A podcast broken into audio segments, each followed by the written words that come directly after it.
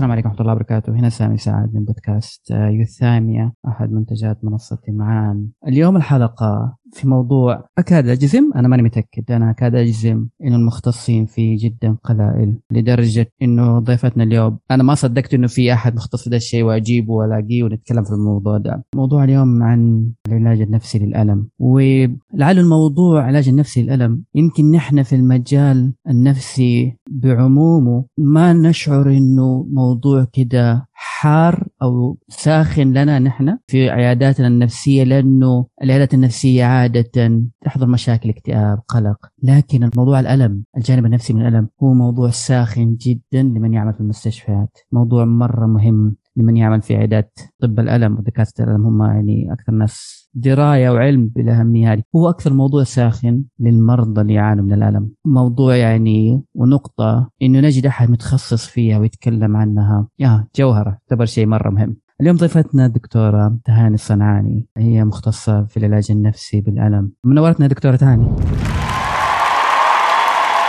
شكرا دكتور سامي على الاستضافة على شرف الاستضافة واللي جات في توقيتها اللي هو شهر التوعية بالألم. الله يعطيك العافية. طيب خلينا المحور الأول اللي دائما أذكر مع الضيوف عرفينا نفسك. من هي دكتورة تهاني الصنعاني أنا حاصلة على شهادة الماجستير والدكتوراه في مجال علم النفس والصحة النفسية من جامعة بريطانية. وكان تخصصي الدقيق في الدكتوراه هو إدارة الألم بالأساليب النفسية. وبما أنه كان التخصص إدارة الألم صار عندي فضول أن أكتشف أساليبه. كان أحد الأساليب في العلاج النفسي تقريبا كانت مغفلة أو مغيبة عن الساحة في مجال علم النفس اللي هي العلاج بالتنويم الإيحائي. فأنا حصلت على دبلوم العلاج بالتنويم الإيحائي السريري من كلية بلندن وشاركت في التدريب العملي لهذا البرنامج. وليش مشاركات تطوعية كثيرة في المجال مع أعمار مختلفة؟ أو كان أو شكلت بالنسبة لي خبرة جدا جدا جيدة وجميلة وممتعة وكانت جزء كبير من تفهمي لاحتياجات المرضى والعملاء في نفس الوقت. جميل. طيب والله صار عندنا موضوعين فموضوع إدارة الألم من الناحية النفسية بالأساليب النفسية وموضوع علاج بالإيحاء. ممكن نتكلم عنه في الأخير لكن خير ركز في موضوع الحلقة. الألم. الألم لما الواحد يكون كده برا منطقة الشخص اللي يعاني من الألم تبدو الكلمة يعني سهلة إنها تمر. كلمة تنقال إنه الألم ممكن عندي هو ألم صداع ألم أسنان ألم. لكن اللي يعاني منه له معاني أكثر اللي يعاني من الألم خاصة لو كان ألم مزمن خاصة لو ألم ما هو عارف إيش مصدره. أكيد للألم عنده معاني ومفاهيم أخرى. فلو تعطينا إيش مفهوم الألم كده بشكل مختصر؟ ما نختلف إنه تجربة الألم تعتبر ظاهرة عامة عالمية ما في شخص في الحياة ما مر فيها على وجه الأرض أساسا وجربها طبعا. فلما إحنا نجي نتكلم عن مفهوم الألم راح على طول يجي في بالنا أنا معرفتي لمفهوم الألم في إيش تقدر تفيدني عشان أقدر أسيطر على الألم يعني؟ وهل هذا الشعور بالألم يعني هل هو مفهوم واحد فقط للكل؟ فهذه طبعا مستحيل إنها تكون نفس الإحساس بنفس الدرجة. فبالنسبة لنا إحنا كمخ مختصين أو ممارسين صحيين. مفهوم الألم إحنا نستند على تعريف الجمعية العالمية لدراسة الألم اللي هو يقول لك إنه هو عبارة عن تجربة ذاتية عاطفية تكون مزعجة أو غير محببة لها علاقة أو مرتبطة بتلف في الأنسجة. هذا التلف قد يكون حقيقي أو محتمل وفيها تفاصيل يعني ونقاط معينة في التعريف. فإحنا كممارسين لما نعرف الألم نستفيد من هذا التعريف زي جايدنس أو موجه لنا نراعي في العميل أو العميلة أو المريض أو المريضة نراعي في الفروق الفردية نراعي إنه لما نيجي نحط خطة علاجية نحترم ثقافاتهم نراعي احتياجاتهم يعني تكون خطة علاجية مناسبة للشخص اللي جاي يطلب الخدمة أو العلاج. فالألم بالنسبة للمريض مختلف مفهومه عن الممارس الصحي يعني إحنا نستخدم التعريف هذا كقائد لنا أو كأداة تساعدنا في التقييم للألم بالنسبة المريض إيش يقول؟ فالمفهوم الألم بالنسبة للمريض هو محاولة منه زي ما ذكرت جايين من مرجعيات ثقافية مختلفة من أعمار مختلفة تعليمهم مختلف. فإحنا كمان بين الألم وتعبير عن الألم بين الذكر والأنثى مختلف تماما. فبالنسبة لهم الألم هو مجرد يعني لو أنا أجي بقول لهم لهم على تعريف الألم إنه هو كده كده كمريض جاي يطلب علاج وهو في أسوأ حالاته النفسية والتعب ومحبط ومثقل بشدة المعاناة يعني ممكن معاناتهم ما تكون من سنة سنتين ممكن تمتد لسنوات. فأنا أقول أجلس وأقول له مفهوم الألم يعني خبرة ذاتية حسي ما, ما, ما تيجي. بالنسبة لهم طلاسم أنا جالسة أقول لهم كذا فبالنسبة مفهوم الألم للمريض هو إيش يحس؟ هو شعورك كيف يوصف شعوره عن الألم هذا وإلى أي مدى شدته بالنسبة لمفهوم الألم؟ فهو بالنسبة له أعراض تجي على شكل يعني بالنسبة له لما أجي أسأل المريض أو العميل عن الألم فهو يوصف لي أعراض الألم. فأنا أخذ الأعراض هذه وعلى أساسها أشتغل معاه على الخطة العلاجية. فهم متعبين حايرين تايهين. إحساسهم ليش أنا بيصير معايا كذا؟ وليش أنا لازلت أعاني وأنا مستمر سنين على المسكنات والعلاج؟ والدكتور مو عارف يساعدني الدكتور ما يفهم. فهذه هي يعني باختصار هو مفهوم الألم كيف أقدر أشرحه؟ فلما أنا أوصل عن مفهوم الألم وعشان أشرحه لعميل أو مريض لازم يكون بشكل جدا جدا مبسط وأحاول أوصله بأبسط الطرق الممكنة لأنه هو ما يهمه مفهوم الألم هو يفهم الألم إنه يبغى يفهم هو كيف يحدث ليش يصير. فأنا أشرح لهم فكرة إنه كيف يصير داخل الجسم. فهذا يريح أغلبهم وأغلبهم ليش؟ لأنه الكل يزال يكون عنده أسئلة البعض يستمر في الأسئلة وكذا فالأغلب إنهم يرتاحوا إلى حد ما لما يعرفوا كيف يصير الألم في جسمهم. طيب جميل. أنا والله ببالي دحين نقطتين. النقطة الأولى هي تعرفي إنه هذه المنطقة يعني قد تكون مقلقة؟ أنا شوفي دحين قاعد أتكلم عن نفسي وأنا أظن إنه الكثير يشاركني نفس الشعور. أنا تخصصت بنفسي عصبي فنقطة الجانب النفسي مع الجانب الجسدي مفهومة بشكل نسبي لي أنا. لكن أتوقع في المجال عموما المجال النفسي عموما فكرة إنه المريض يجي يشتكي من شيء جسدي وأنا يعني تدريبي ونشأتي ودراستي كلها على عوامل غير ملموسة غير جسدية. أتوقع إنها منطقة مقلقة. منطقة تشعر الواحد يحس انه في السيف زون حقه كده إنه في شيء مزعج قاعد أنا ما أقدر أتحكم في ذا الشيء. فنقطة الألم كده المريض يشتكيني من ألم أنا وقتها غالبا كعامل في المجال النفسي احس إني بدون آه، عدتي ما أقدر أسوي شيء في المنطقة الملموسة الجسدية دي. هذه نقطة كذا والله جت في بالي. النقطة الثانية عندي فضول. أنت حضرتك اشتغلتي في كانت دراستك وفي البداية وتدريبك كان في بريطانيا وحاليا أنت حسب ماني فاهم إنك تشتغلي في عيادة في الرياض. فأنا عندي فضول. أنت ذكرت نقطة الخلفية الثقافية. حسيتي فيها فروق؟ يعني بين هناك وهنا حسيتي فروق في التعبير؟ صحيح. الفروق بالذات يعني هل أنت تقصد فيها على فهمهم للتخصص التخصص هذا ولا بشكل عام؟ لا قصدي المرضى. يعني تعبيرهم عن الألم فهمهم تفضلي. أيوه أيوه. أنا قبل ما أجي قبل ما أجي الرياض بالعموم أنا دراستي كانت تحتم علي إنه أنا آخذ مجموعة من مرضى من بريطانيا ومجموعة مرضى من السعودية. فكنت exploring يعني أو أكتشف نقطة ال culture والفروق في فهمهم للألم وكيف كل واحد فيهم بيحاول يتجاوز أو يتعايش مع الألم أو إيش الأساليب اللي هو بيسويها عشان يتجاوز مرحلة الألم. فقادني الفضول من هذا الجانب وأنا أتكلم معاهم يعني ولما لما حللت ال data واكتشفت shocking إنه ما في ما في ذيك الفروق الكبيرة بالنسبة لمفهومهم ومعاناتهم، المعاناة هي هي، أكيد في فروق فردية وتختلف من شخص، هذه ما لها دخل في ال culture، لها دخل في قوة تحمل الشخص لدرجات معينة من الألم، فموجودة يمكن عندنا إحنا هنا يصبروا أكثر من هناك بحكم الدافع الديني.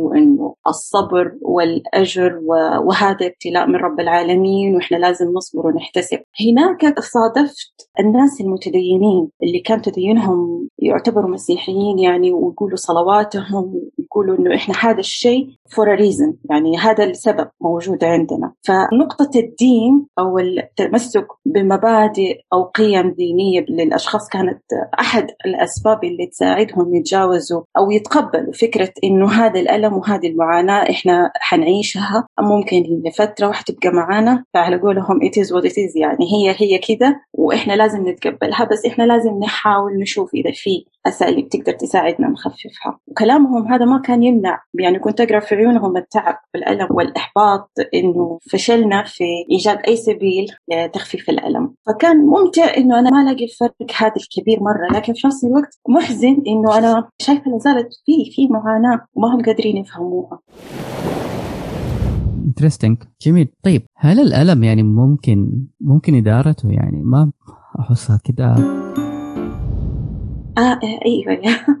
هي هذه هي مشكلة الترجمة الحرفية للتخصص. فهي لو إحنا نبغى نترجمها pain management حتطلع wow حلوة كذا pain management مرتبة. لكن لما تيجي تترجمها إدارة الألم بس باللغة العربية لا إحنا عندنا مجال أوسع إن إحنا ممكن نوصف المجال هذا. ممكن نقول التعايش مع الألم أو التحكم أو السيطرة بس هي تعايش مع الألم هي يمكن أحسن مصطلح ممكن ينقال.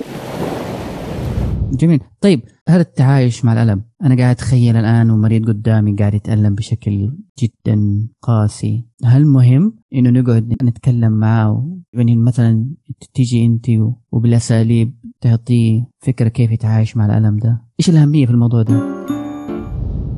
أولا قبل ما أدخل في الأهمية إنه زي ما ذكرت قبل إنه فكرة إنه أخليه يتعلم إدارة الألم هو لازم أشرح له أول شيء كيف يحدث الألم. فلما أجي أتكلم عن الأهمية هو ما نختلف إنه مهم لكن ليش مهم؟ أقدر أنظر لها من أكثر من منظور. لو إني بذكرها من منظور إنساني هو حق مشروع لكل شخص. إنه إذا أحتاج علاج أو مسكن أو مساعدة تخفيف الألم فهو من حقه إنه يأخذه كهو حق إنساني يعني. وديننا الحنيف والإسلام حثا على مساعدة أخونا المسلم يعني. فمن الإنسانية والرحمة إنك أنت تساهم على الأقل في تخفيف معاناة إنسان ولو بجزء بسيط عشان يقدر يحاول يستمتع في حياته أو يحقق نوع من الرضا عن الحياة. لو نيجي نتكلم فيها ليش مهم من ناحية اقتصادية مثلا فطبعا لما تزيد معاناة الناس أو الأفراد بشكل كبير. فطبعا هذا يحتم عليهم إنفاق مزيد من النفقات يعني تتكفل بها المستشفيات توفير مسكنات أو علاجات. فهذه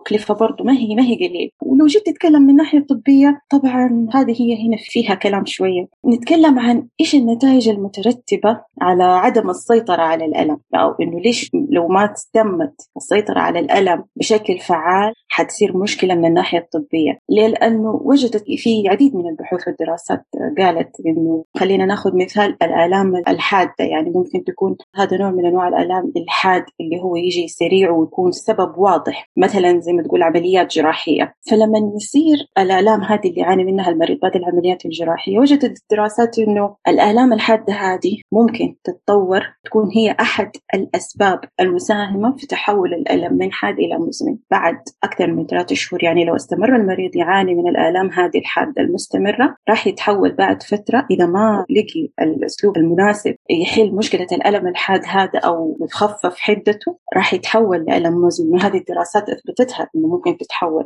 السؤال إنه ليش ممكن يتحول من حاد إلى مزمن؟ لسه still gray area يعني هنا في الموضوع بس فيها دراسات. يقولوا إنه بالناحية النفسية إنه الإنسان من فترة يعني جلس منطقة ما في منطقة معينة للألم في الدماغ بس جلست لفترة طويلة تتحفز وجلست فترة طويلة تترسل إشارات للدماغ إنه في ألم في المنطقة هذه وحاد وما تم علاجه أو تخفيفه بشكل مناسب. فبالتالي بعد فترة لا زالت تستمر الإشارات هذه تترسل حتى لو كانت خاطئة للدماغ. فممكن هذا يكون محفز إنه يكون سبب إنه يكون تحول الألم الحاد إلى مزمن لأنه الإنسان استمر فترة طويلة من المعاناة من غير وجود أي وسيلة مساعدة لتخفيف الألم الحاد. فهذه أحد العواقب ليش مهم إحنا لازم ندير الألم بشكل فعال من الناحية الطبية عشان نتفادى المشاكل اللي ممكن تصير إذا ما تم علاج نوع من أنواع الآلام اللي هي الحادة مثلا. ومعروفة يعني عواقب تحول الألم من حاد إلى مزمن ودوامة الألم المزمن ومعاناة الناس مع الألم المزمن يعني ما تخفى على الكل يعني. يا أنا قاعد الحين أفتكر كمان يعني من الأشياء اللي كانت اللي اللي نشوفها كثير في في المستشفيات إنه عدم السيطرة على الألم. غالبا المرضى يخشوا في يخشوا في حالة من الهذيان. يعني عشان كذا دائما لما نشوف مريض في حالة من الهذيان نشوفه نحن في المجال النفسي أحد النصائح المهمة إنه نتمنى إنه يتم السيطرة على الألم. لأنه عدم السيطرة على الألم تعني إنه الهذيان حيستمر وحيتطور والهذيان استمراره معناته ارتفاع في خطر احتمالية الوفاة. هذا غير يعني غير العواقب النفسية اللي تصير بسبب عدم السيطرة على الألم. تفضل. وبالنسبة لو بدنا نتكلم عن أهمية الألم من منظور حضاري فإحنا حنلاقي إنه إدارة الألم أو إنه التحكم أو التعايش مع الألم هو يعتبر رمز من رموز حضارة مجتمع. ليش؟ لأنه يدل على ارتفاع نسبة الوعي بين الممارسين الصحيين وبين الأفراد. يعني وحيكون فيها زيادة الكفاءة الإنتاجية للفرد والمجتمع. يعني هو حيكون مو فائدة للشخص فقط للشخص والمجتمع بشكل عام. لأنه أعطيك مثال بس سريع على الموضوع هذا. تخيل إنه لما يكون إنسان يعاني من أمراض مثلا مزمنة ألم ظهر وهو يكون في مكان عمل فهل هو حيكون مركز على الآلام ونفسيته وتعبه وإحساسه بالمعاناة وما حد حاسس فيه ولا حيكون مركز على متطلبات العمل وضغوطاته يعني؟ فحيكون صعب عليه إنه يوازن بين بين الاثنين وما يقدر ينجز ما يقدر يزيد إنتاجيته خلاص حتكون إنتاجيته محدودة. فطبعا المجتمع كده حيتأثر. جميل. يعني وحبيت نقطة حضارية إنه فيها دلالة تراحم فيها دلالة إنه نحن نلتفت لمعاناة الآخر. هذا معنى إنساني جميل صراحة معنى حضاري جميل. معاناة الآخر هي مهمة لي مو إني بس أسكنها بدواء ولا إني أسكنها بشكل سريع بقدر ما هي هي معاناة مزمنة تحتاج لمسة إنسانية. حبيت النقطة. طيب خلينا نخش في السؤال اللي بعده. طيب دكتورة تهاني تخيلي أنا في المستشفى وأمر على قسم أمراض الأورام ومريضة. تعاني من الألم وأعطيناها مسكنات وما زال الألم غير مسيطر عليه. ونسوي لك تحويل دكتورة تهاني عندنا المريضة الفلانية أو المريض الفلاني. فما هو دور التدخل النفسي في هذا في هذا السيناريو أو أي سيناريو آخر من الألم؟ هو قبل ما أدخل في دور التدخل النفسي أنا لازم أذكر هو كيف أصلا وجدوا العلماء أو اكتشفوا إنه الألم في بعد من أحد أبعاده هو الجانب النفسي. يعني إحنا لو نتكلم نتكلم عن نقاش أو نظريات صارت من أكثر من خمسين سنة اهتمت في موضوع الألم وإنه كيف يحدث الألم. من ضمنها كانت نظرية بوابة التحكم gate control هذه اللي صارت أتوقع في 1965 1965 تقريبا. كانت محاولة منهم إنه الألم كيف يحدث. فهذه النظرية كانت من عيوبها إنها كانت تركز على الجانب الجسدي فقط. جاءت نظرية بعدها أتكلمت عن biomedical اللي دخلت قالت لا خلينا نشوف الجانب الحيوي في الموضوع مو بس الجسدي. لين ما وصلوا لآخر شيء نظرية نموذج الحيوي النفسي الاجتماعي. يعني هذا يبين ألم يجزوا يفسروه بالنظريات القديمة. لا هذه ما تنفع. لأنه لسه still في جوانب معينة من الألم ما قدروا يفسروها ويتعاملوا معاها. فكانت نظرية النموذج نفس حيوي اجتماعي ال bio psycho social model اللي هي تعتمد عليها بعض البرامج العلاجية في تقديم خدمات أو برامج إدارة الألم والتعايش مع الألم. ففي كتاب أنا عجبني صراحة شخصيا وفادني كثير في مسيرة التعلم هذه. كتاب اسمه Explain Pain لموزلي وباتلر هم باحثين أستراليين ومجالهم واحد فيهم توقع physiotherapy والثاني أظنه researcher neuro researcher يعني كلهم بالعموم neuro researcher أصلا في جامعة أسترالية. عجبتني نقطة ذكروها. هم كانوا زي ما تقول فتحوا بوابه التفكير للناس إنهم يبدأوا يفكروا صحيح الألم له جانب نفسي فهم لما قالوا بحكم تخصصهم إنه مو شرط إحساسك بالألم يعني إنه لازم تحس يصير الألم يعني يعني الألم ما له منطقة معينة في الدماغ مجرد إنه تنتقل التيارات الحسية تنتقل عن طريق الأعصاب للدماغ فالألم إيش يسوي؟ يهجم على منطقة معينة في الدماغ اللي هي مسؤولة عن الحواس والعواطف والذاكرة والحركة فيستقر هناك عشان يعبر عن نفسه الألم ما له منطقة معينة فهو يسوي هايجاكينج للمنطقة هذه اللي هي منطقة العواطف والإحساس. هذا اللي يفسر فكرة إنه ليش الإنسان يحس بالألم والعواطف اللي مرتبطة فيه. النقطة الثانية اللي ذكروها في الكتاب كل ما زاد إحساس الشخص بالخطر كل ما زادت عملية تحفز أجهزة الاستشعار كل ما زادت حساسية المريض كل ما زاد الألم. فهم يحاولوا يجنبوه عن المثيرات اللي تحس بالخطر لأن هم يقولوا فكرتهم إنه الانتباه الانتباه بشكل أساسي هو المحفز الأساسي للألم. فهم حاولوا في كتابهم بس يختصروا يشرحوا الألم بشكل جدا مبسط وجدا رائع ومفهوم للكل. ممارسين صحيين وغير ممارسين. فكانت فكرته جدا جميلة وعجبتني وعمقت إيماني إنه فعلا في جانب نفسي للألم. وذكروا قصة في كتابهم هي قصة جدا جميلة يعني. يقول أثناء الحروب العالمية الأولى الحروب العالمية لما كان الإنسان في وسط المعركة كان مشغول بالأحداث العظيمة اللي تصير قدامهم والأصوات المخيفة اللي تحدث من حواليهم. يكتشفوا بعد ما يهدى الموضوع إنه أنصاب إصابة بليغة هو ما كان حاسس. قاعد ينزف من منطقة معينة في جسمه ما كان يحس بالألم أساسا. ما جت أي إشارة من الدماغ للجسم انتبه هنا في خطر لازم تجنب نفسك. فهذا اللي خلاهم يفكروا لا الألم فعلا له جانب نفسي ونقدر نتجنب المعاناة هذه كلها. إذا تعاملنا مع إيش؟ مع فكرة الانتباه وقدمنا نموذج يصرف الانتباه عن الإحساس بالألم أو تساعده في تخفيف الألم. بالإضافة لأنه الألم لما يصير الإنسان زي ما قلت لك قبل كده يكون في حالة توهان. يعني هو لما يوصل مرحلة الضياع والتوهان والحزن في أسئلة كثير في باله. أسئلة كثيرة يعني هو مو لاقي لها إجابات. فيبدأ هو إذا ما لقى لها إجابات فلازم يحط لها هو تفسيرات معينة. فهنا يبدأ يدخل على موضوع التفسيرات الخاطئة ليش بيصير معي الألم؟ أكيد أنا فيها شيء خطير. أكيد إذا استمر فترة طويلة أكيد ما ما لي علاج وأنا حالة ميؤوس منها. فمن هنا ممكن يكون تدخل الدور إدارة الألم. وطبعا هذا لما نحن بنتكلم عن دور التدخل النفسي أكيد ممكن بيخلينا نسأل طب إيش هي العوامل النفسية تحفز الألم؟ جميل. قبل ما نخش في العوامل فأنا دحين اللي أنا فاهمه قضية رقم واحد قضية الانتباه للألم والقضية الثانية اللي هي الأفكار المتعلقة بالألم والأفكار اللي هي قد يكون فيها نوع من اللوم للذات نوع من الحيرة حول الألم والتفسيرات الخاطئة. جميل. فهذه المنطقتين اللي قد تكون يمكن ما هي المنطقتين الوحيدة بس هي يمكن المنطقتين الأساسية اللي أنت تتحكم في الألم. جميل. طيب أنا الحين حسب ما فهمت تتكلم عن العوامل النفسية المحفزة للألم. أنت لما تقولي محفزة للألم معناته هذه عوامل نفسية تزيد من الألم ولا؟ عشان تكون الجمل واضحة. قولي زي إيش مثلا؟ ممكن تزيده وفي نفس الوقت ممكن تخفف من حدته. زي مثلا لو بدنا نتكلم عن العوامل المعرفية يعني الإدراك الانتباه التوقع. فزي ما ذكرت إنه كل ما زاد انجذاب الإنسان للألم بشكل كبير وتركيزه عليه مدرك إنه هنا في ألم في دي المنطقة ويبدأ يتكلم عنه بطريقة مستمرة ويفكر فيه بطريقة مستمرة. يعني منتبه له خلاص مركز عليه فيزيد إحساسه بالألم. لكن إذا إحنا قدمنا له أسلوب معين يصرف يصرف في انتباهه عن الألم. يعني لما أنا أتكلم على صرف الانتباه هو ما حاجة أقول له لو سمحت فكر في شيء ثاني غير الألم. ما هي بهذه السهولة يعني. فمعرفتي للمريض وأخذي لدراسة الحالة وأعرف هو إيش نقاط اللي أنا أقدر أصرف انتباهه عن الألم أستخدمها في خطة العلاج. ممكن تكون مفيدة. فتخفيف تركيزه على الألم وتفكيره المستمر فيه يخفف من شدة الألم عليه. ولو نتكلم عن العامل الثاني نقدر نقول عوامل المعرفية اللي برضو ذكرتها. قبل اللي هي تفسير الألم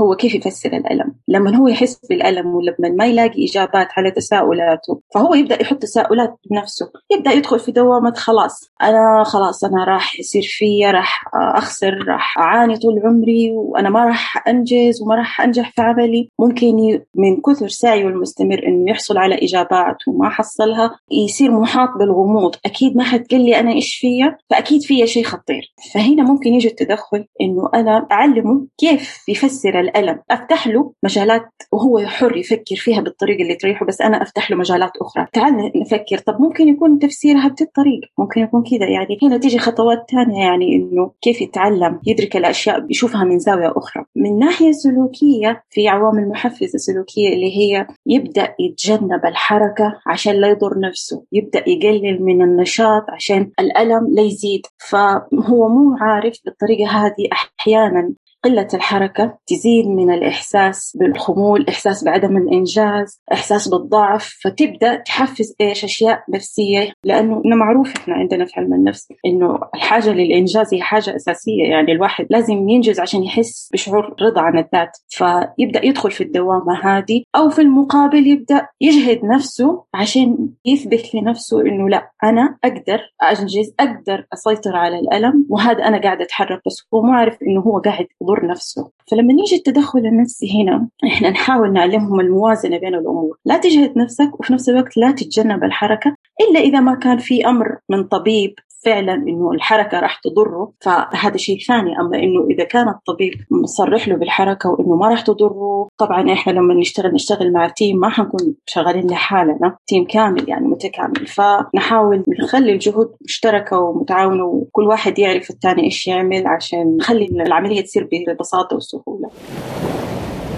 جميل. أنا الحين افتكرت حاجة اللي هي يعني زي مرضى التصلب اللويحي الألم جزء من رحلتهم. هذه النقطة دائما تتكرر قضية تجنب الحركة قضية تجنب الخروج تحت الشمس لأنه هذه أمور قد تزيد من الألم ورغم تكرار النصائح. مو كل مرضى التصلب لكن نسبة كبيرة منهم إنه الحركة كويسة لتخفيف الألم. أنا والله الحين في بالي حاجتين نقطتين وسامحيني كذا قطعتك في النص. النقطة الأولى هل ممكن الفريق الطبي يكون عامل محفز للألم بشكل سلبي؟ آه، هذه يعني أنا أشوفها بعيني كثير. لا عادي. هذا رقم واحد. رقم اثنين هل الحياة اللي فيها معاناة كثيرة؟ احتمالية المعاناة من الألم تكون أخف من حياة شخص آخر. يمكن المعاناة ما كانت متكررة وواضحة. أنا أذكر السؤال والله جاب بالي. فهمت السؤال الثاني؟ وضح السؤال الثاني؟ لا لسه يعني أنا كنت حعيده عليك هل أنا فهمته صح ولا لا. يعني شوفي ألف شخص ألف شخص باء شخص ألف هذا حياته كانت كلها معاناة وهزائم وكدر ولا ممكن أمراض جسدية كمان. وإن كنت أميل للمعاناة النفسية هل هذا الشخص ألف تحمل للألم أفضل؟ من شخص باء اللي هو قد تكون حياته. المعاناة فيها حاضرة لكن كانت معاناة معتادة معاناة بسيطة. فأنت بتجاوب على السؤال ده ولا بتجاوب على الفريق الطبي فبأيهما أردتي؟ جميل تفضلي. لا أنا حجاوبك عليها لا مو مشكلة بس أبدأ بالأسهل إلا الكلام فيه حيطول وممكن يعني يكون هذا محور آخر. إحنا نتكلم عن عوائق مثلا تطبيق الأساليب العلاجية النفسية مثلا ممكن يدخل في أيوه خلي خلي فريق الطبي في الأخير. خلينا نتكلم على السؤال الثاني. السؤال الثاني هو يعتمد على الألم زي ما قلنا هي خبرة ذاتية. يعني ممكن أحد شكته إبرة في إصبعه يصيح ويولول وخلاص يعني تحس إنه خلاص مو مو شكة دبوس ممكن يكون قطع الأصبع. فتيجي تشوف تلاقي لا مو هذا الشيء اللي يصير. فتمسح له على الجرح وتحط له لصقة أو شيء خلاص انتهى. وفي المقابل في ناس يكون يتألموا يتألموا فتكون عندهم قدرة تحمل كبيرة على الألم. فما أقدر أقول إنه ممكن الإنسان بالمعاناة ممكن هو حيكون عنده قدرة على تحمل الألم أو لا. هي قدرات فردية ذاتية. في ناس قدرتهم على تحمل الألم عالية اللي يسموها pain threshold. فممكن تكون عالية وممكن تكون لا يخاف. يعني الخوف هذا كمان عامل نفسي آخر يصيب الناس اللي تعاني من الآلام المزمنة. فهذا الخوف بالنسبة لهم يعني عامل أساسي يعني في أسلوب نموذج كامل نفسي يتعامل كيف يتجنب الخوف. يعني هذا يكون أحد التدخلات النفسية ممكن يكون يتعاملوا مع الخوف. طيب مين المرضى اللي تشوفيهم اللي تشوفيهم بكثرة؟ أنا اللي تعاملت معاهم كان بحكم دراستي وتخصصي وتدريبي آلام المرضى اللي يعانوا من الآلام الحادة اللي هي آلام ما بعد العمليات الجراحية. كيف يتفادوها وإيش الأساليب اللي بيستخدموها وده الكلام كله. بس هدول المرضى نفسهم يعني لما بيكون عنده ألم حاد ما بيكون هو هذا الألم أول ألم في حياته وجاي يشتكي منه. بتكون عندهم معاناة. يعني أنا اشتغلت مع ناس في قسم العظام أورثوبيديك كانوا يجوا تغيير مفاصل هيب ني ريبليسمنت فيكون أصلا ما وصل مرحلة العملية إلا هو خلاص واصل مرحلة متقدمة من الألم المزمن. فبياخذ العملية على هذا الأساس. فلك أن تتخيل يعني إيش نفسيتهم إيش معاناتهم هم هم في بالهم. حيعملوا العملية والألم راح يختفي تماما. فما في تهيئة نفسية إنه لا الحياة ما هي كذا ما في موازنة لتوقعاتهم. يعني هذه التوقعات كمان عامل مرة مهم في إدارة الألم أو السيطرة أو التعايش. مع الالم جدا مهم. طيب طب أنا الحين خديني على خديني على قد عقلي خديني على قد عقلي. وأنا حطرح السؤال ده وأنا عارف إجابته لكن بسمع. يعني إيش ممكن يعني مريض يعاني من ألم؟ هل بالفعل على قولتهم محرز الشغلة؟ هل هل بالفعل أنت لما تدخلي وتطبقي الأساليب اللي أنت ذكرتي بعضها هل ممكن نخرج بشيء؟ يعني أنا أنا شوف أنا شوف أنا دحين أنا قاعد أفكر وأنا والله لو كنت أنا قاعد أتألم في عز آلامي. يعني إيش الشيء اللي حيساعد؟ قولي. انت هيشت ذكريات أيام التدريب لما كنت ادخل على المرضى أسلوب السؤال اللي ينطرح عليهم فكرة إني أنا أقول ما أجي مباشرة ابدا أجي أقول تعال أنا بعمل عليك أساليب نفسية حيقول لي اطلعي برا أنا ماني مجنون. مستحيل هي تيجي بهذه الطريقة سواء في بريطانيا والمرضى اللي عرفتهم هناك وسواء في السعودية والمرضى اللي دخلت عليهم يعني في الغرف بعد العمليات وقبل العملية. فأنا ما أجي أطرح عليهم فكرة إنه والله تعال أنا أوكي حيعرف ان أنا أخصائية نفسية بس ما يعرف بالضبط أنا إيش حاعمل هو عارف أنا أخصائية نفسية أنا جاي أتكلم معك. والله أنا عندي اقتراحات. طب أنت مثلا يا عم ولا أنت يا خالة إيش بتعملوا؟ كيف بيساعدوكي في المستشفى؟ كيف تحسي؟ يعني أنا مجرد إن أنا أخليها تتكلم هي أو أخلي المريض يتكلم هو إيش يحس؟ يعني وهذا بحد ذاته إنه يعبر عن مشاعره بطريقة مناسبة. هذا برضه في مساعدة لهم في تخفيف الألم. مع الوقت نكسب الثقة مع الوقت نبدأ نقدم اقتراحات. طب إيش رأيكم نعمل كذا نسوي كذا أنا في خلال دراستي آه، هذه المواقف بشكل عملي يعني مباشر واحتكاكي مع المرضى سماعي ردات الفعل منهم يعني. وأحد المواقف اللي صارت إنه واحد من المرضى لما أتذكر أول تجربة يعني وكل واحد له تجربة أولى يعني وهي الدرس. حاولتي مثلا تسوي استرخاء قلت لها قالت لي أنت إيش تقصدي؟ هذا الشخص كان شارك في الحرب كان يشتغل في military. هناك عندهم في بريطانيا. فيقول لي انت إيش قصدك؟ يعني أنا حشتكي من الألم؟ أنا ما اشتكيت لك من الألم ولا أبغى مساعدة من أحد. أنا أقدر أسيطر على الألم. يعني شفت كيف رجعت حاولت يعني ألطف الموضوع لا لا أبدا أنا عارفة وأسوق يعني معاه فيها وأهدي الموضوع لأنه لا يعصب هو طالع من عملية. بس بشكل كدراسة وكأبحاث أنا لما اشتغلت في رسالة الدكتوراه كان جزء منها إني عملت literature review على أهمية الأساليب النفسية البسيطة الموجزة. يعني هي زي استرخاء زي distraction تشتت انتباه تنويم الإيحاء الذاتي استرخاء ذاتي. هذه الأساليب البسيطة إلى أي مدى ممكن تساعد هدول النوع من المرضى إنها تخفف من الألم. العالم. وجدت نتيجة جدا مبشرة بخير إنها تساعد بنسبة كبيرة إنها تساعد على تخفيف الألم في الأيام الأولى. الممارسات البسيطة هذه. جميل جميل. انت ذكرتي بعض العوامل النفسية اللي تحفز في الألم لكن خلينا نتكلم شوي على الأساليب. هو بس أحب أذكر إنه لما أنا أجي أبغى أعمل خطة السيطرة أو التعايش مع الألم أنا ما أقدر أستخدم نوع واحد فقط وأكمل بخطة علاجية يعني نحن دائما لما نقرأ في الأساليب يعني يذكر فقط ما بقول يذكر فقط لكن غالبا يذكر قضية ال CBT وال CBT يذكر لأنه هو الأكثر بحثا وليس بالضرورة هو الأكثر فعالية. فإيش في أساليب متاحة لإدارة الالم؟ لا لا لا لا هي ما هي فكرة تفصل تفصيل كله ولبس كل لا لا لا. هذه نقطة مرة مهمة لأنه يعني أبو خطة واحدة ده ما يمشي. قولي تفضل كمل. فهي زي ما قلت لك بناء على دراسات الحالة وأشوف المخاوف اللي عنده أشوف مدى قدرته الكفاءة الذاتية لأنه ممكن يعمل شيء لنفسه يساعد نفسه. فمن الأساليب النفسية يعني أنا ممكن هي حتصير زي ما تقول مختلطة ما بين أساليب علاجية متنوعة أو منها زي ما أنت ذكرت ال CBT علاج السلوك المعرفي. طبعا هو غني عن التعريف. في العلاج بالقبول والالتزام أو التقبل والالتزام هذا جدا مهم. اليقظة الذهنية أسلوب اليقظة الذهنية الذهنية وهذه الأشياء اللي أنا قاعدة أقولها مثبتة علميا بدراسات وأبحاث اليقظة الذهنية. وفي حاجة ممكن البعض يغفل عنها هي العلاج بالمعنى أو إنك تضع قيمة للألم اللي أنت تشعر فيه.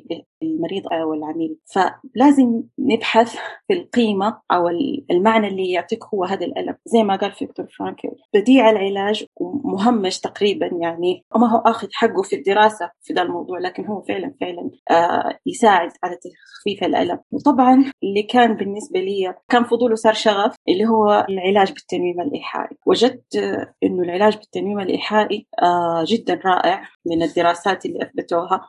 سواء كان يطبق بشكل مباشر أو لما يعلم أو المريض على مهارات الممارسة الذاتية في العلاج بالتنويم الإيحائي فوجدوا في نتائج جدا إيجابية للتنويم الإيحائي جميل. أنا بالمناسبة العلاج بالتنويم الايحائي آه يمكن يعني ما أعرف ليه كذا لما رجعت السعودية كان له كذا الجو سلبي سلبي سلبي وهذا الشيء أنا ماني فاهم ليش. يمكن ال evidence ال evidence بخصوصه في أو في أمور في بعض الأمور ما هي بذيك القوه أحسه كذا تفكير background إنه إنه والله هو تنويم مغناطيسي وكذا وشغل أفلام وزي كذا لكن أنا ترى بالمناسبة أنا في أنا في تخصص في الطب النفسي العصبي الاضطرابات النفسية الاضطرابات العصبية الوظيفية ال functional neurological disorders هذه أحد العلاجات اللي هي مثبتة لها بالأدلة هي علاج التنويم الإيحائي في علاجها. وأنا حسب ما سمعت الله يذكره بالخير الدكتور محمد الجعفر هو استشاري طب النفس العصبي في الرياض بجامعة الملك سعود. آه أنا ما أعرف إذا هو فتح العيادة ولا لكن في محاولات إنه هو كان بيفتح الكلام هذا قبل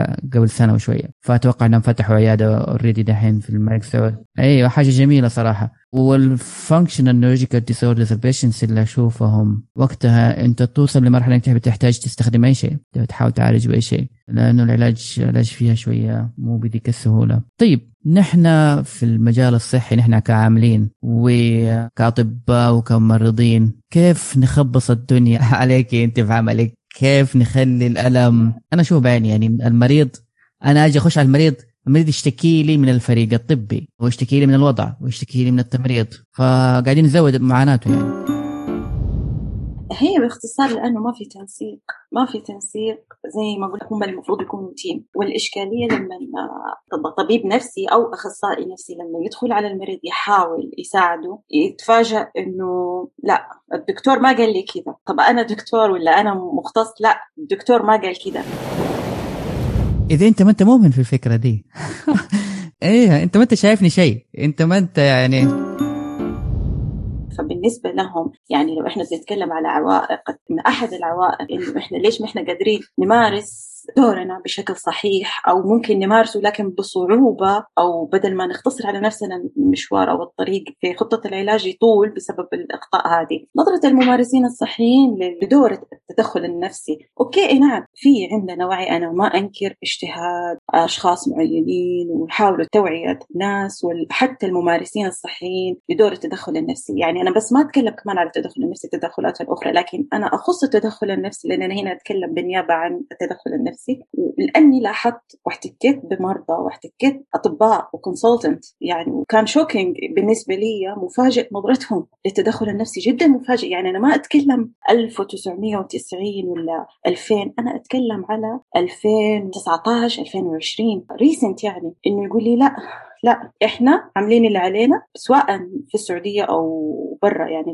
حسب دراستي. لا مستحيل أنا أجي أقول لهم كذا. انت تعالي قولي لهم. طب هو كيف يعرف إني أنا ممكن أساعده في النقطة هذه؟ إذا أنت ما وضحت له الفكرة دي والتدخل النفسي كأنه الخيار الأخير وهو المفروض يكون جنبا إلى جنب مع الخيار الطبي أو الخيارات الأخرى. يعني أنا انجرحت وأنا وأنا أسمع كلامهم. يعني لازم الكل يسمعني ووصل صوتي. يعني معاناة فعلا معاناة إنك أنت تبى تساعد مريض. حتى أنا أبغى أساعد مريض. أنت تبى تساعده حتى أنا أبغى اساعده نفس الهدف. ليش ما نتعاون ونعمل خطة معينة؟ أنت ما تعارض طريقي وأنا ما أعارض طريقك. أنا مستحيل حاجي أقول له وقف دواء أو مسكنات مستحيل أقول له كذا. إيه ليش أنت أي حاجة تيجي تقول له؟